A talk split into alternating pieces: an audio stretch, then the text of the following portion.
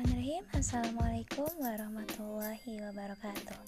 Halo teman-teman, kembali lagi dengan saya Nita Raspinia dengan NIM 1903452 dari Departemen Pendidikan Kewarganegaraan 2019A Universitas Pendidikan Indonesia. Seperti biasa, podcast kali ini bertujuan untuk memenuhi salah satu tugas mata kuliah pendidikan ilmu pengetahuan sosial. Oh ya, sebelum kita mulai ke intinya, apa kabar teman-teman? Semoga semuanya dalam keadaan sehat walafiat. Amin.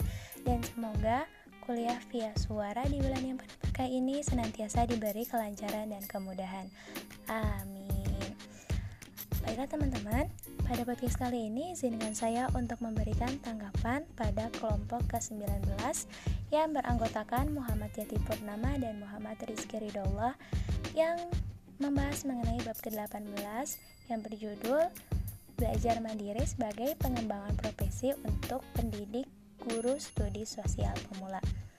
Baiklah, yang paling menarik dari pembahasan di sini adalah mengenai pembahasan tentang mengatur panggung bahwasannya saya sangat setuju bahwasannya memang suatu pembelajaran dalam kelas adalah suatu panggung bagi seorang guru yang tugas seorang guru adalah bagaimana caranya agar guru tersebut dapat mengatur suasana kelas agar materi yang akan disampaikannya itu dapat mudah dimengerti dan agar peserta didik bisa lebih fokus pada apa yang disampaikan pada gurunya. Karena ketika suatu panggung dengan tatanan dan kreasi yang sangat menarik, maka para penonton akan senantiasa melihat panggung tersebut. Dan juga sebaliknya ketika panggung tersebut terlihat tidak menarik, maka tak jarang penonton yang mengalihkan pandangannya. Oleh karena itu, guru harus pandai-pandai mengatur panggung agar dapat menarik perhatian dan fokus dari siswanya.